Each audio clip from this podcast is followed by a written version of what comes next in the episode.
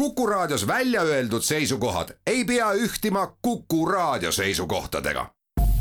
Te kuulate Kuku Raadiot.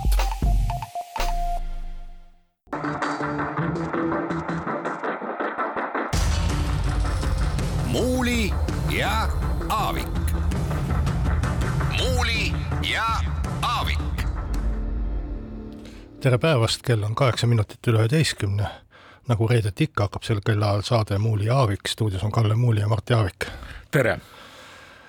esimeseks räägime kõige värskemast uudisest, universaalteenuse hinnast, elektri universaalteenuse hinnast, mis siis on äh, äsja avalikustatud täna hommikul sada viiskümmend neli eurot megavatt-tunni kohta. teiseks räägime sellest, mis äh, juhtus Nord Streami kahe gaasituruga Läänemere all äh, ja ilmselt siis ka muudest Venemaa käikudest. kolmandaks võtame jutuks riigieelarve järgmise aasta oma loomulikult, mille peaminister Kaja Kallas siis eile Riigikogule üle andis. neljandaks sellest, et äh, Kaitseväe juhataja tahab pikendada ajateenistust, tegelikult siis käis ta ütleme teist korda oma ametiaja jooksul välja mõte, et üks võimalus mehitada neid uusi võimekusi, uusi seadmeid, mida Eesti Kaitsevägi ostab,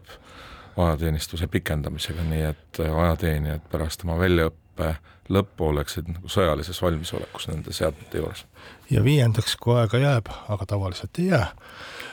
räägime erakondade reitingutest, kus siis on äh, uudiseks see, et äh, Norstati küsitlusfirma andmetel on EKRE äh, saavutanud peaaegu kahekümne kuue protsendilise toetuse, mis on tema ajaloo kõrgeim. Muuli ja Aavik aga alus, alustame siis kauaoodatud elektri universaalteenuse hinnast, mis on siis sada viiskümmend neli eurot megavatt-tunni eh, energia eest. noh, mina tulin just äsja ministeeriumist, kus ma töötan ettevõtlus- ja infotehnoloogia ministri nõunikuna eh, tähtsalt pressikonverentsilt, kus siis minister konkurentsiameti esindaja ja Eesti Energia esindaja äh, rääkisid, äh, mismoodi see hind on tekkinud. Ja, ja ja mis sellest edasi saab, noh, peaks vast äh, rõhutama seda, et hind on odavam, kui Eesti Energia seda taotles ja tahtis. ehk siis Konkurentsiamet ise määras selle hinna saja viiekümne nelja peale, hoolimata sellest, et Eesti Energia tahtis üle saja kaheksakümne eurost hinda. Ja, ja arvestada tuleb muidugi selle hinna puhul veel seda, et sinna tuleb otsa käibemaks kakskümmend protsenti, aga maha läheb äh, alates esimesest oktoobrist nüüd juba viiekümne eurone riigi toetus, nii et ma ütleks, et see hind äh,, reaalne hind, tegelik hind tarbijale siis äh, võiks olla umbes saja kolmekümne euro juures, mis on äh, noh, enam-vähem see, mida ma tegelikult ootasin ja ühes Facebooki postituses üks, ma arvan, et kaks-kolm-neli nädalat tagasi ma pakkusin hinnaks sada kuuskümmend eurot megavatt-tund. no tore, et küllap, küllap tuleb sinna lähemalt sisse vaadata, et mina pressikonverentsil ei olnud, olen lihtsalt lugenud neid lühiülevaateid, mida meie meediamajad on pakkunud, aga eks siin Äh, ongi nagu kaks haru, et üks on see, et me äh, sellel läheneval talvel ilma suurem, või no ellu jääme me niikuinii, eks, aga et, et me ilma suuremate tülide ja vapustusteta sellest äh, energiasõja olukorrast üle tuleks. teine asi, mida ma ka kordan, on see, et ega see, et valitsused üle maailma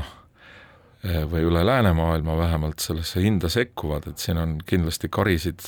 oi kui palju, et, et lõpuks ikkagi äh, turumajandusse tuleks ka uskuda, et ma loodan, et see olukord saab läbi ja ja me saame tagasi pöörduda sellisesse maailma, kus asjad maksavad nii palju, kui nende, nad turul maksavad. Jah, noh, tegelikult äh, see hind, mida Konkurentsiamet määrab, ongi äh, see hind, millega Eesti Energia saab seda elektrit toota oma kolmes kõige efektiivsemas. ise nad ütlevad, et nad ei saa, et see ei kata nende tootmiskulusid ja see on see, mis ma olen no hind on alati lugenud. ostja jaoks kallis ja, ja müüja jaoks odav ja küllap ka nii ja, ja kui me meenutame, siis Eesti Energia lahkub või, või ametis, viimaseid kuid ametis olev juht Andrus Sutter on ju ütelnud, et et äh, see hind tuleb seal kallim kui tema pügi, püsipaketid, sada kaheksakümmend, kakssada, mm. selliseid summasid on ta välja pakkunud. aga, aga äh, mis ma tahaks küll rõhutada, et kui inimesed ütlevad, et nüüd see sada viiskümmend neli eurot on kallis, selliseid inimesi leidub ja ja, ja alati leidub neid inimesi, kes ei ole rahul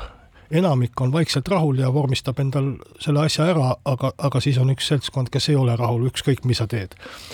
ja, ja, ja nendele ma ütleks küll, et me saame ju elektrit siiski müüa ja osta selle hinnaga, millega me oleme võimelised seda pikaajaliselt tootma. kui elektrile panna mm. selline hind, mis ei tasu seda tootmist ära Äh, ma usun, et Konkurentsiameti spetsialistid ikkagi valdavad teemat. et kui panna selline hind, mis ei tasu tootmist ära, siis meil elekter lõpeb ju sootuks otsa. ühel hetkel ju ei saa enam elektritootjatele palka maksta, sest ei ole millestki maksta. see on, see võiks olla koolis käinud inimestele üldiselt selge et äh, mis muidugi nagu seda valdkonda veel puudutab tänastest uudistest, on see, et Olkiluoto kolm on siis äh, ma saan aru uudistekstidest, äh, saavutanud täisvõimsuse ja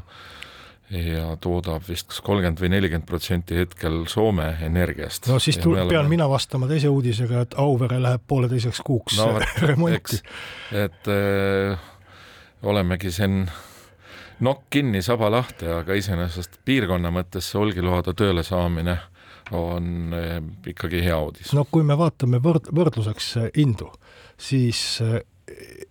eelmise aasta detsembris juba olid hinnad sellised ja püsipakettide hinnad sellised, et praegu see universaalteenuse hind on odavam. Kui me vaatame augusti hindu, ma võrdlesin ka augusti hindadega, mis on ju suvekuu, meil oli väga ilus suvekuu, ka siis olid hinnad kõrgemad kui see universaalteenuse hind. et rääkimata eelolevast talvest, et hüva, et Soomes see tuumaelektrijaam töötab ja küllap Auvere läheb ka millalgi uuesti tööle. Aga selge see, et talvel ju äh, tarbimine kindlasti kasvab ja tootmine ei suurene noh, reaalselt mitte kuskilt. et, et selles mõttes võib ennustada, et talvel võivad need hinnad väga hulluks minna, aga ma hindaks selle universaalteenuse äh, hinna sellist äh, headust selle järgi, kui palju inimesi seda kasutama hakkavad kui on kümneid tuhandeid või sadu tuhandeid inimesi, kes kasutavad universaal, universaalteenust paari kuu pärast, siis me võime ütelda, et see on väga õnnestunud, sellepärast et inimestel oli seda vaja, ega nad ilmaasjata seda okay. kasutaks. kuule, ma küsin ühte asja äh, veel üle sinu käest, et äh, mis siis nüüd nagu inimeste jaoks juhtub, et kas on nii, et äh, see universaalteenus tuleb tavatarbijale automaatselt? ta tuleb niiviisi, et kui sul on praegu pakett, mis on kõrgema hinnaga kui universaalteenus või sul on äh, börsihind, äh, mis on kõrgem, siis sulle tuleb automaatselt universaalteenus, millest sa saad ära ütelda okay. kaks päeva enne seda, kui see jõustub et, et sel, selline pakkumine on, et in, inimestel mugavamaks seda asja teha. aga, aga põhimõtteliselt need pakettide vahetused ja uni, universaalteenuse valimine iseenesest, kui sa tahad valida, noh, ma ei tea, näiteks oled ära ütelnud, et, et sa ei taha, kuu aja pärast mõtled ümber, siis see paketivahetus käib täpselt samamoodi nagu mis tahes muu paketivahetus oma elektrimüüja äh, juures. väga laias laastus äh, kõik, praktiliselt kõik inimesed, kellel veel ei ole odavamat paketti lähevad automaatselt üle sellele universaalteenusele. jah, kui nad ei teata, et nad ei taha üle minna. et see on, see on siiski nende vaba valik, mitte, mitte sundus, aga, aga selleks, et see kiiremini käiks ja mugavamalt käiks ja ära ei ummistaks müüjate mm. kodulehti, on tehtud tõesti selline automaatne pakkumine mm. -hmm. see tuleb igale inimesele okay. siis meiliga et eh, ma kordan veel, et ma väga loodan, et eh, nüüd selle universaalteenuse juurde ka Eestis ei jääda püsima ja et regionaalselt ja üle Euroopa tegeletakse turu kordasaamisega. et äh, kõik need sekkumised, mis on äh, võib-olla ühiskondlikult või poliitiliselt äh, mõistetavad,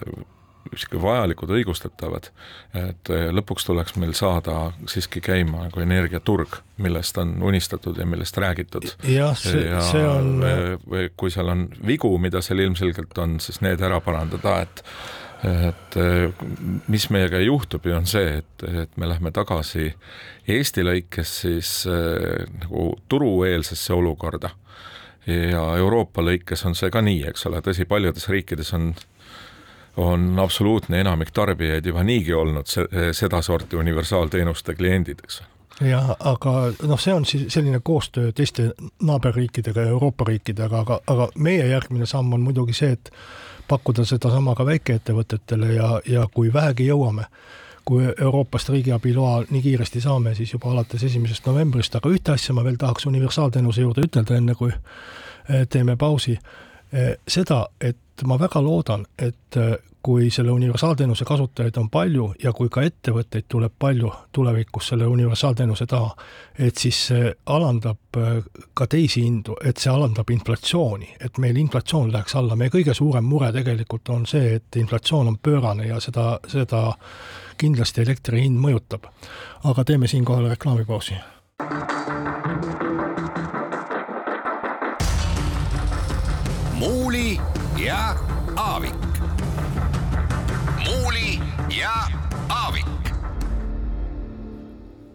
Stuudios on Kalle Muuli ja Mart Jaavik, räägime edasi sellest, et äh, Nord Streami torus, kahes Nord Streami torus on äh, suured lekked, mis on siis tekitatud plahvatustega, nii palju kui me praegu teame, ja ainus, kelle poole vaadata, on äh, Venemaa, kuigi infooperatsioonide käigus on ka siin püütud osutada USA ja jumal teab, kelle poole veel, siis noh, need ei ole lihtsalt loogilised ega tõsiseltvõetavad. et see, mõlemad torud on seisnud, mis selle põhjus on, miks Venemaa sellise käigu tegi, on ka mitmeid erinevaid versioone. aga mida ta näitab, on ikkagi selline nagu eskalatsioonivalmidus ja, ja noh, ütleme meeleheitlik sõnum sellest, et me ei pöördu tagasi, eks ole, et me, meie ei tee järeleandmisi, on ilmselt selle sõnum. Ja seal taustal muidugi vaatame ka kogu aeg seda, kuidas läheb venelastel see niinimetatud osaline mobilisatsioon. Need pildid on noh, väga naeruväärsed, näeme seda, kuidas inimesed pagevad Venemaalt, Gruusia piiridel on pikad-pikad järjekorrad, isegi Mongooliasse põgenetakse, et kõik see nagu lühidalt kokku võtta, siis äh, ma arvan, et Venemaa on kas kokkukukkumise äärel, mida meie tahaks kindlasti väga loota, või äh, siis noh, teine arengusuund on see, et õnnestub õnnestubki muuta ennast täielikult nagu militariseerituks, kogu seda ühiskonda ja jätkata veel ja veel kuude ja võib-olla aastate kaupa mingisuguste sarnaste tegevustega. Ma millegipärast seda kokkukukkumist eh, ei usu, aga noh, ega me ei suuda tõendada ei ühte ega teist ja see on, see on selline ma ei tea, kohvipaksu pealt ennustamine, et mis, mis mis see tulevik on, aga mis me võime küll ütelda nüüd nende nelja plahvatuse või nelja lekke kohta, et põhimõtteliselt, kui me siiamaani oleme rääkinud, et me oleme tagalas selles sõjas, siis nüüd võime ütelda, et see sõda on ikkagi jõudnud Läänemerele. nii, nii drastiliselt, kui see ka ei kõla, et siin on otseselt ikkagi ma arvan, et kui see on Venemaa, tõendid ju puuduvad, aga aga kui sa vaatad, kes võis seda üldse teha, siis neid valikuid äh, on, on üsna vähe ja kõige tõenäosem on ikkagi tõesti see Venemaa variant ja, ja, ja ülekaalukalt kõige tõenäosem. et äh, sel puhul peame me nentima, et me ole-, me, meie merel toimuvadki mingisugused sõjalised terroristlikud äh, operatsioonid ja noh, kaugelt vaadates äh, seda piirkonda vaadates investeeringute või mis iganes mõttes see kindlasti meile hästi ei mõju ja see on, see on väga halb. ma arvan, et, et juhul, kui see oli Venemaa, siis on tõesti kõige huvitavam küsimus on see, et miks seda tehti, et need torud ju ei ei andnud enam Lääne-Euroopale gaasi, põhimõtteliselt nad olid lihtsalt seal kasutult merepõhjas kui, kui sa niiviisi mõtled, siis mulle meenutab see tegelikult nagu mingit sildade õhkimist või, või tagasitee äralõikamist, et, et me oleme lõplikult otsustanud nüüd, et läheme sõtta, et mina nagu pigem äh, vaataksin seda sellise suure sõja alguse sammuna, ma ei tahaks küll kedagi hirmutada siin ega, ega midagi hirmutada ja, ja võib-olla, et võib-olla, et ma eksin nagu paljud teised inimesed ja no nagu mina ka, olen eksinud, aga, on ka alternatiivseid seletusi, ma ei oska hinnata, kui tõesed need on, aga noh, näiteks, et Venemaal on vaja eh, ka puht lepinguliselt eh, õigustust, miks ta oma lepingulisi kohustusi ei täida, miks need eh, torud ikkagi nagu täiesti tühjad on ka mulle praegu. tunduvad need eh, nii naiivsed seletused Aga- olukorras, kus Venemaa rikub kõiki lepinguid Ukrainas tapab, vägistab ja, ja saadab korda rahvusvahelist ma kuritegu lihtsalt osutan, ja, ja siis on ühe tsiviillepingu pärast muretseb. Eh, jah, et, et seletusi on erinevaid, aga see on ikkagi nagu järjekordne pööraselt häbematu samm ja ma arvan, et eh, see, mis, see, mida sellega näidata püütakse, on see, et vot meil on võimekus olemas, et me võime häirida teie muid objekte, me lõpuks ajaliselt see plahvatus langes kokku ju eh, Norra-Poola eh, gaasijuhtme avamisega. nii et, eh, et eh, niisugune ääret-, ääretult ebameeldiv eskalatsioonisamm ja sildade põletamine tõepoolest, mis, mis sa ütlesid? jah, et äh, Venemaast ma ei ole vist, vist ammu enam midagi lootnud ja võib-olla, et loo-, olen üldse lootnud kogu selle oma eluaja jooksul ainult äh, ühe või kaks aastat, aastal üheksakümmend üks või üheksakümmend kaks, kui äh, Jeltsin korraks võimule tuli, kuni ta hakkas tankidest iseenda riigi parlamenti tulistama. Aga, aga ma tegelikult nende plahvatuste juures äh, mõtlesin hästi kaua Saksamaa peale, et äh, need torud on ju, on ju tänu Saksamaale seal, ma ei, ma ei arva, et Saksamaa on süüdi selles terroriaktis. terroriaktis on süst-, süüdi ikkagi terroristid, aga kui palju sellist ähm, noh, ma arvan, et väga palju sellist Saksamaa poliitikute käitumist ja, ja kogu saksa rahva hoiakuid on mõjutanud ikkagi see natsi-minevik. see, et püütakse risti vastupidiselt käituda lihtsustatud, lihtsustatud ettekujutus sellest äh, sõjasüüst, see sõja, sõjasüü faktiliselt on ju äh, riigid, ütleme rahvad ja riigid, Venemaa ja Saksamaa vahel need, kes kannatasid, aga kuidagi sakslaste niisugune rahvalik tunne on see, et nad on süüdi Venemaa ees, eks ole, ja peaaegu et ainult Venemaa noh, ees. eks see suur sõda käis ju ikkagi ka, põhiline suur sõda käis ju Venemaaga, eks ju, juute tapeti koonduslaagrites ja, ja niisama ka, aga aga, aga sõditi Venemaaga ja, ja, ja tõesti, kui sa nagu mõtled Eesti ajaloo peale, meie hääletu alistumine, see, et me ei hakanud vastu, kui palju see on mõjutanud, isegi, isegi selline sündmus on mõjutanud meie praegust tänapäevaseid hoiakuid, seda, et me põhiseadusesse kirjutame, et me igal juhul hakkame vastu, seda, et me eh, kulutame riigikaitsele väga ohtralt raha, rohkem kui paljud teised NATO riigid ja nii edasi, see kõik on nagu meie mineviku mõju. Ja ma arvan, et see natsi mõju äh, Saksa praegusele käitumisele ja, ja ka sellele, mis ta on juba alates Willy Brandtist seitsmekümnendate algusest, kui tuli mm. ostpoliitik ja, ja, ja Willy Brandti enda sekretär osutus Stasi spiooniks või nuhiks. no see, mida nad on teinud, on see, et nad on kinni pigistanud silmad selle eest, mida tõepoolest ka noh, ütleme, me, ka Eesti ja teised sarnased riigid üritasid selgeks teha, et Venemaa käsitleb seda energiarelvana, et see on geopoliitiline haare, teata Ukraina kui ütleme, maismaatorude valitseja või riik, mis, mida maismaa gaasijuhtmed läbivad, eks ole, kõrvale sellest, see kõik jäeti kuulamata sellel lihtsal põhjusel, et mida iganes osuti, osa, osa inimesi me teame, et olid kinni makstud, osa inimesi uskus siiralt seda, et et kaubandussidemed seovad niimoodi, et siis läheb kõik hästi, eks ole, Venemaa tsiviliseerub, aga ka Nõukogude Liit käsitles ju neid gaasijuhtmeid gaas, tegelikult energiarelvana, eks. et, et see on jah, pöörane, aga, aga arusaamine tuleb, et et tõsi, ka tuleb nende vempudega, kus Saksa mingisugused imelikud ajakirjanikud kirjutavad, et hoopis USA tegi seda, eks ole, ja ja mida kõik veel, aga ma arvan, et silmade avanemise aeg on see kindlasti. eks gaasitoru ja gaas ole nagu piits ja präänik korraga, et ühest küljest sa saad pakkuda, et no anname teile odavalt ja teisest küljest, et jälle ei anna kunagi. aga, aga selle teema lõpetuseks ma tahtsin meenutada veel kadunud akadeemik Endel Lippmaad, et kui siin on palju räägitud, et kuidas Eesti selle toru vastu võitles keskkonnakaitseliste argumentidega, siis mulle Endel Lippmaast on meelde jäänud üks telesaade tal olid äh, sageli sellised äh, üsna ta võrdles seda tuumapommiga, seda gaasitoru, eks just, näed, sul ka tuleb meelde. ja äh, siis li, Lipp, Lippmaa ütles umbes midagi sellist, ma nüüd tsiteerin hästi, hästi umbes, aga et mõelge, mis juhtub siis, kui see toru seal merepõhjas plahvatab. see on ju nagu viiskümmend tuhat tuumapommi, võib-olla ta ütles viis tuhat, võib-olla viiskümmend,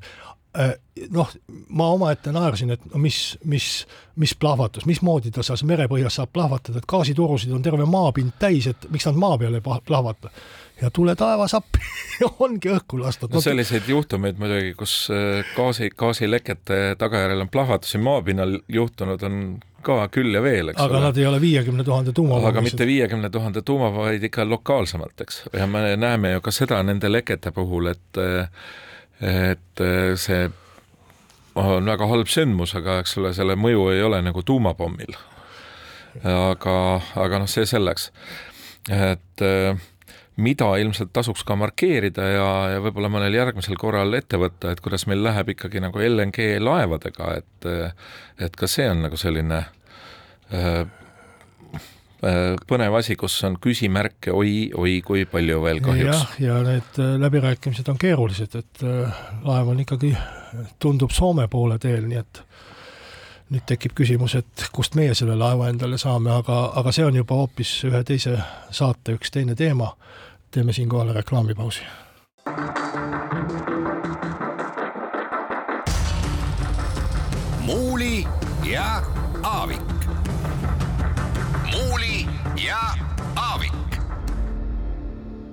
jätkame saadet, Martti Aavik ja Kalle Muuli stuudios. räägime riigieelarvest, mille siis peaminister Kaja Kallas eile või mille eelnõu siis peaminister Kaja Kallas eile Riigikogule üle andis. noh, neid numbreid on siin igasuguseid, võiksime terve saate lõpuni üles lugeda uhkeid plusse sotsiaaltoetused kasvavad kakskümmend neli protsenti, palgad seitseteist protsenti, no need on tervike üldnumbrid, eks ju, nende seas on siis õpetajad kakskümmend neli, päästjad kolmkümmend kuus ja riigiametnikud äh, sugugi mitte esirinnas, vaid äh, väga viisakalt tagapool oma viieprotsendilise äh, tõusuga. kokku siis suureneb Eesti riigieelarve kaheksateist protsendi võrra, mis on ju täiesti arvestatav kasv ja, ja ma arvan, et, et sellelt pinnalt siis ilmselt Eesti Päevaleht nimetas seda silmamoonduse eelarveks. tegelikult ei ole seal ju mingit silmamoondust, seal on kõige lihtsam äh, riigieelarve tegemise viis ja selle silmamoonduse all siis peeti silmas seda, et noh, maksud kasvavad ja, ja siis kasvavad ka äh, riigi tulud ja kulud. et nii seda riigieelarvet tehaksegi ju. no äh, absoluutarvudes on ju kõige suuremad äh, suurenemised puudutavad pensioneid, haigekassat ja selliseid asju, kuhu seaduste järgi automaatselt lähevad riigieelarvest. no pensionid suurenevad kaheksateist protsendi võrra ja, ja mitte ainult seaduse järgi, vaid esimesel jaanuaril on ka erakorraline pensionitõus no,. ja peale selle keskmine pension on maksuvaba, mis ei ole ka otseselt automaatselt seadusest tulenev, vaid tehakse ikkagi otsusega. et äh, need kõik, äh, kõik mõjutavad, aga, aga äh, noh, tegelikult ju selle riigieelarve valik on selle vahel, kas me ütleme, et me kogusime nüüd tohutu hulga makse kokku tänu inflatsioonile, tänu majanduskasvule ja me ei, ei tee nende maksudega mitte midagi muud, kui vähendame lihtsalt riigieelarve miinust. ehk siis ei anna seda raha rahvale tagasi, mis tegelikult on maksudega kokku kogutud. ja, ja, ja teine valik on siis, et tegelikult jagame selle raha laiali ja jätame mm. selle miinuse, mis riigieelarves on, sama suureks või, või isegi väiksemaks, kui ta oli plaanitud et minu meelest on see pilt palju parem, kui ma julgesin karta, ma näen, et siin on äh, selged valikud olemas, äh, et äh, loomulikult opositsioon või noh, esimene kriitika, mida saab öelda, on, et ai, te oletegi valimiseelse eelarve teinud, kindlasti on ju see mõte ka seal olemas, aga ma arvan, et ikkagi suhteliselt mõõdukal kujul. Ja see, et investeeringud suunduvad investeeringute osakaal suundub kaitsekuludesse, see on ju praegustes oludes loomulik, teine pool on see, et siis noh, hiljaaegu siin Riigikontroll rääkis teede rahastamisest ja ja mitmesuguseid muid asju võib veel öelda, et vaat, kus see kust me selle, need tegevused siis katame, aga ma arvan, et see kaitsele rõhumine on õige. aga nüüd paar sellist kriitilist asja ka, üks puudutab seda, mis on ütleme, mõned aastad juba olnud esil, et lugesin selle riigieelarve seletuskirja äh, viissada seitsekümmend lehekülge päris läbi, läbi võib-olla ei lugenud, aga mahuka osa sellest lugesin. ja ma arvan, et see riigieelarve kokkupanemise või selle teksti koostamise loogika tegevuspõhine on, paistab küll sellest lugemast välja, et see väga mõistlik ei ole, et kui sul terve Justiitsministeeriumi e, valdkond on ühe programmi all, e, mida nimetatakse umbes nagu ma ei mäletagi, mis see täpselt oli, eks ole, turvaline ja õiguskuulekas Eesti või midagi sellist. ja midagi õigusriigi tugevdamine. õigusriigi tugevdamine ja sa tegelikult ei saa sealt teada, kui palju meile maksavad vanglad ja kui palju maksab ma ei tea, prokuratuur ja palju kohtud, et eh, siis eh, see on noh, ikkagi täitsa tõsine informatsioonivajak. ja teiselt poolt on eh, jälle mõned kohad, kus on ülima detailsusega kuni, kuni tuhande eurode tasemeni välja, välja toodud mingid spetsiifilised kulud, et et ma arvan, et see tuleks ikkagi äh, riigil ja Rahandusministeeriumil kuidagi läbi mõelda, et, et et Riigikogul, kes lõpuks sellele oma äh, templi alla paneb äh,, oleks võimalik sisuliselt selle üle arutleda ja ja samamoodi rahval ka. nüüd teine kriitiline märkus on võib-olla isegi mitte selle ka, ka riigieelarve kohta, aga osaliselt sinu erakonnakaaslase väga toreda Riina Solmani kohta, kes teatas minu meelest siinsamas Kuku raadios, et oi, et riigi kulutusi või, või riigipalgaliste inimeste palkade ülevaatamist või, või rääkimata siis lahtilaskmist või vähendamist, et seda mõtet nagu üldse ei ole, et et kui midagi öelda, siis äh, seda, et äh, riigi tõhususe äh, või efektiivsuse peale vaatamine peaks olema ikkagi ka, eks ole, et ma loodan, et siis vähemalt peale valimisi tuleb, et et, et kindlasti on arusaadav see, et kui maksutulud kasvavad ja kõik, mis sa rääkisid siin, et sotsiaalkulud tõusevad ta-ta-ta, arusaadav, aga kuidagi väga kergelt on mindud sellest efektiivsuspunktist üle, vähemalt retooriliselt. no ma ei saa sinuga vaielda kahjuks, ma pean ütlema, et et see, et see riigieelarve on selline nii-öelda tegevuspõhine, seda ma olen siin kritiseerinud vist juba kolm aastat, niikaua kui seda eelarvet sel viisil on tehtud ja, ja sel aastal tegi ju ka Aivar Sõerd Riigikogu liige, endine rahandusminister, Reformierakonna liige tegi ju ettepaneku, et kuulge, teeme nagu normaalse eelarve, lõpetame selle tegevuspõhise ära ja paneme ikkagi nagu majandusliku sisu järgi need kuluread paika, nii nagu ennegi käis no ma ei usu, et seda keegi nüüd tegema hakkab, eh, selle selle eelarve on juba üle antud ja tehtud, aga aga, aga põhimõtteliselt ma arvan, et see võiks olla öö, eh, selline rahandusminister Keit Pentus-Rosimannuse temblitöö öeldi vanasti Vene sõjaväes sõduri viimase töö kohta enne äraminekut, et tegelikult ta võiks anda kätte ka juhtnöörid, et tehke, tehkem järgmine aasta teisiti. Aga et sellel tegevuspõhisel asjal on ka oma Eh, sümpaatsed pooled. no ega, ega teda muidu ei oleks tehtud, tol hetkel tundus ta, et on täitsa asjalik. kahtlemata ongi tore, kui on äh, suured eesmärgid äh, kirjas ja nii edasi, aga ma arvan, et Aivar Sõerdil on õigus, et see võiks olla selle riigieelarve lisa ja, ja esitamisviis võiks olla aga, teistsugune, aga see on no veel kord norimine tehnika kallal, nüüd suur küsimus on muidugi ka see, et, et kuidas see siis äh, mõjub inflatsioonile, et kas see valik, millest sa rääkisid, kas see on nagu põhimõtteliselt õige äh, või oleks tulnud äh, olla ka nende palgatõusudega ütleme, napim, ettevaatlikum, et inflatsiooni alla suruda. aga, aga kuul-, kujuta, kujuta, kujuta ette, et, et oleksime teinud palgatõusu viis protsenti õpetajatele või seitse, nagu tehti mm., nagu tehti möödunud aastal. ja, ja, ja mis me siis oleksime tulnud, ütelnud siin raadiosaates, et küll on tore, eelarve tasakaal suurenes, aga õpetajad palka ei saa, päästjad palka ei saa las jooksevad Soome või, või las jooksevad Rootsi, kuidas need laused kõik olid, küll teisel põhjusel no,. et, et see oleks see siis, kas, kas see oleks oota. siis meie unistus Eesti riigist või? see argumentatsioon on arusaadav ja ma arvan, et eh, ongi oluline, et me nüüd selle sõjaolukorra ja selle talve elaks üle, see on väga tähtis, et me ei elaks üle selle niimoodi, et me ei lähe omavahel tülli. aga lihtsalt ma osutan sellele, et siin on, igal mündil on kaks poolt või vähemalt sellel mündil on kaks poolt ja me ei pruugi saada seda toredat tulemust, mida me nende palgatõusudega taotleme, eks. ma tahan selle eelarve kohta ütelda veel mõned asjad. esiteks, see on üle pika aja eelarve, kus ma näen,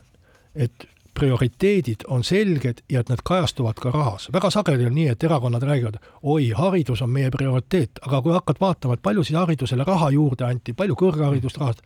isegi kõrgkooliga lepingut ei suudeta sõlmida, eks ju. Äh, aga, aga selles eelarves on selgelt näha, et raha saab riigikaitse, mis on väga õige, raha saab haridus, mis on vähemalt Isamaa vaatest väga õige ja ma arvan, terve valitsuse vaatest, ega keegi ei ole selle vastu olnud ju, kõik kiitsid heaks. ja raha saab siis lapsed ja pere äh,, äh pered mis on siis mõeldud sündimuse ja, ja, ja perepoliitika toetamiseks. Need on kolm suurt asja, mis on selgelt siit eelarvest välja joonistunud ja ma ei mäleta viimastest aastatest küll ühtegi eelarvet, kus nii selgelt oleks rahaliselt ka need prioriteedid kajastatud, et et äh, ma pean siin äh, tunnustama Reformierakonda, peaminister Kaja Kallast ja ka rahandusminister Keit Pentus-Rosimannust selle eest, et nad on selle loogika omaks võtnud, ehkki pikka aega oli see mõtteviis teistsugune, aga see loogika millise loogika? selle loogika, et tähtis ei ole mitte see, kas riigieelarve miinus on kaks koma, kaks koma üheksa või kaks koma kuus protsenti, vaid tähtis on see, et kui me võtame rahvalt maksudega raha ära, siis me anname selle ka neile tagasi ja et me suuname selle väga olulistesse ja kitsastesse või sellistesse kohtadesse, kus on kõige suurem kitsikus ja, ja mis on meie riigi arengule kõige tähtsamad no,. veel kord, et äh, ka sellest eelarvest paistab välja, et äh, see, need summad, mida prioriteetidele saab kulutada, ei ole mitte kuusteist miljardit, vaid need summad on äh, mõõdetavas, mõõdetavad sadades miljonites. ja selle mündi teine pool ongi see, et, et noh, midagi jääb tegemata, arusaamatu on muidugi see kriitika, et et äh, omavalitsused on justkui jäetud äh, tähelepanuta, et kui vaatad, keegi viitsib vaadata, see ei ole tõsi tegelikult. kui palju suurenevad omavalitsustele minevad summad, osal, osalt ka jällegi seadustest tulenevalt loomulikult, siis noh, see jutt ei ole lihtsalt õige, et, et ma arvan, et see praegustes oludes Kaitseväe ja kaitsekulutuste esiletõstmine on ainukene variant, mida üldse saab teha, et pigem võiks öelda, et et äh, kas äh, oleks saanud veel rohkem ja, ja veel jõulisemalt ja veel kiiremini ja veel ägedamalt. teeme siinkohal reklaamipausi.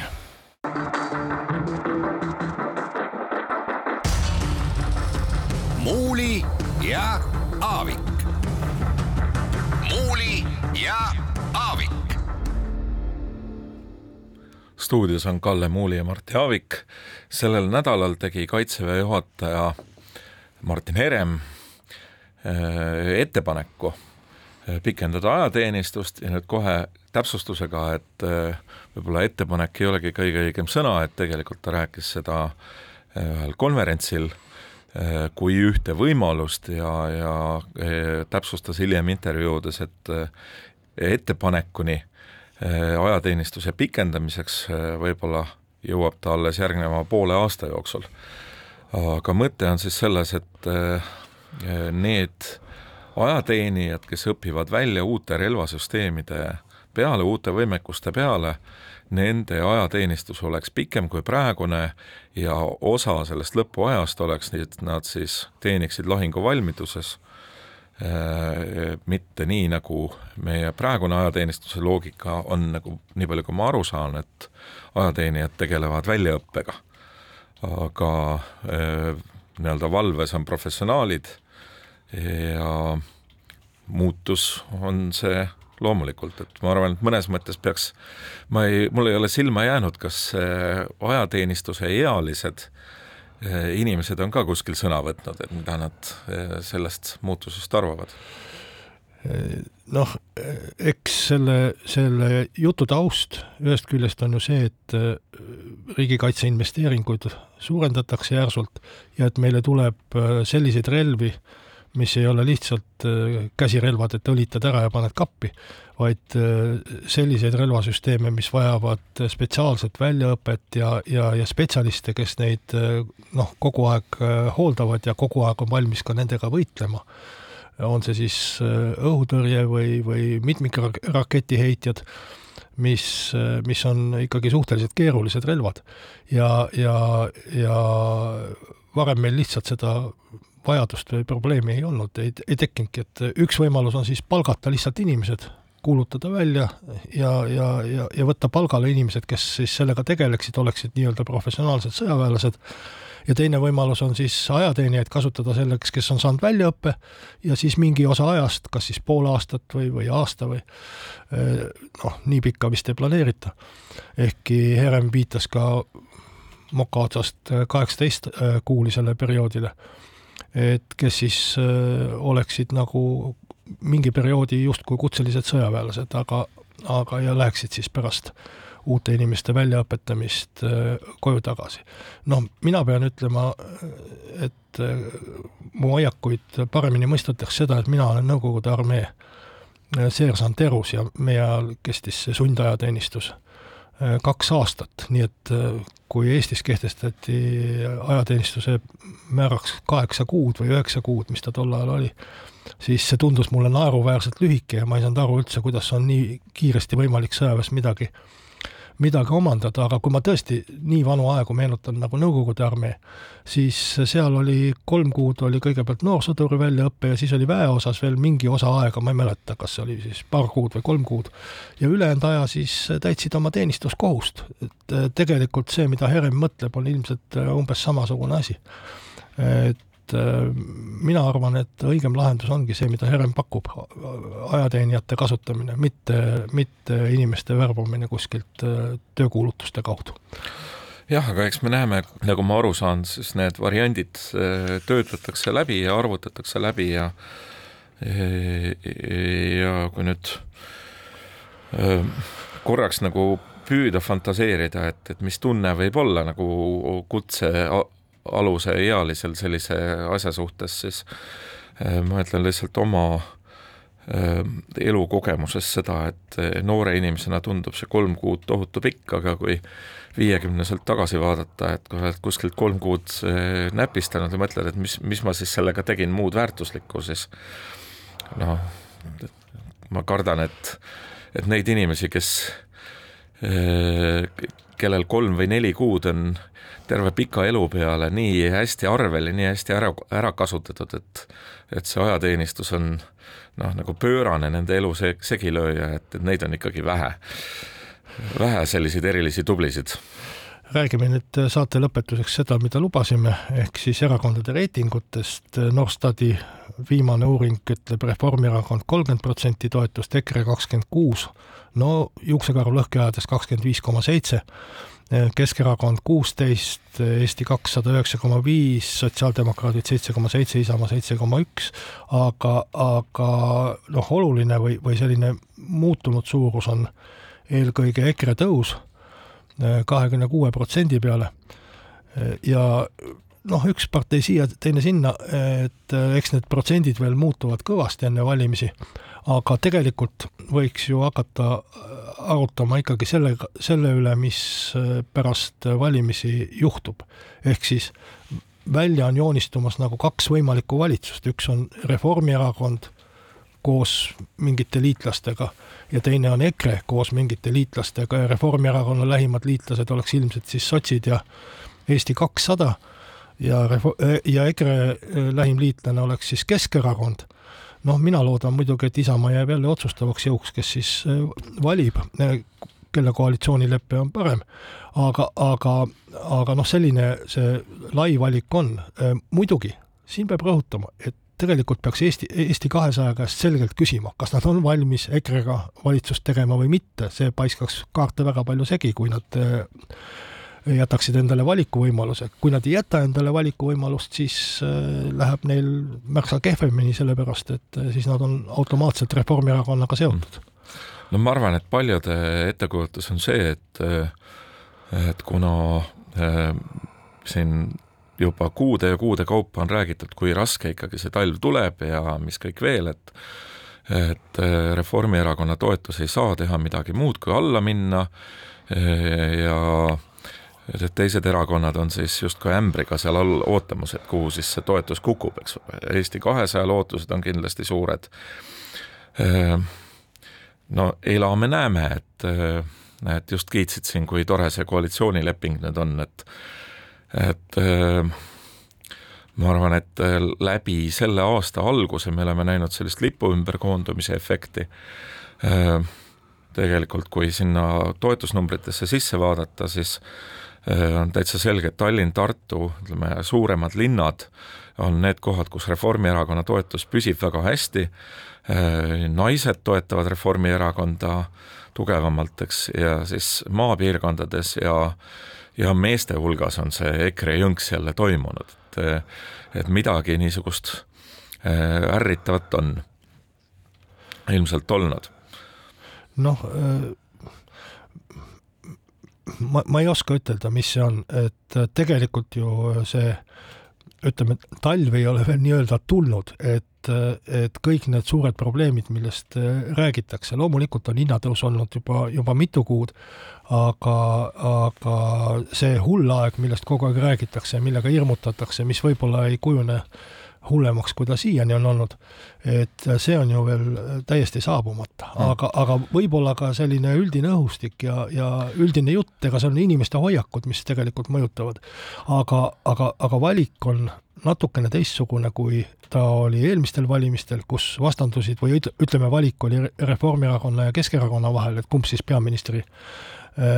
tooli saab ja valitsuse moodustab, siis praegu tundub küll, et Keskerakond on nii ära vajunud ja arvestades, et neil olid ka suured rahaprobleemid, et, et sealt mingit väga vinget kampaaniat ei ole tulemas, et valik ongi, kas tuleb Reformierakonna valitsus või EKRE valitsus. no EKRE-l on äh, kuul-,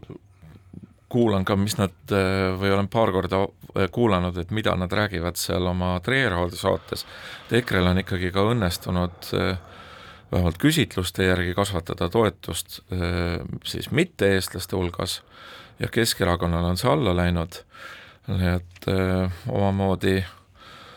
omamoodi äh, põnev seis, aga ma arvan, et see asi ei ole kõik nagu kaugeltki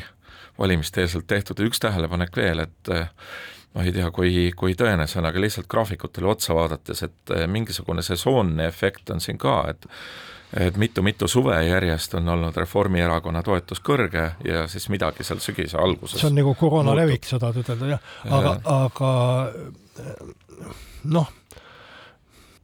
EKRE või Reformierakond, ma arvan, et see prognoosib seda, et valimiskampaania tuleb palju teravam, ägedam äh,, äh, räigem kui äh, see oli eelmistel valimistel kaks tuhat üheksateist, just sellepärast, et Reformierakond ja EKRE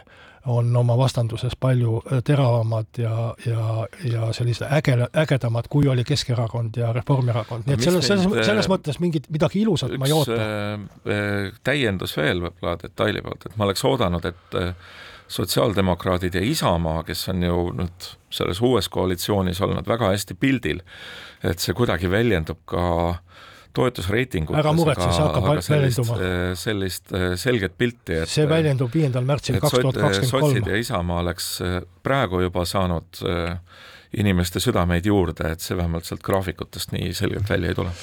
aga see kõik juhtub veel. sellega on meie saade tänaseks lõppenud, järgmisel reedel jälle Mart Jaavik ja Kalle Muuli.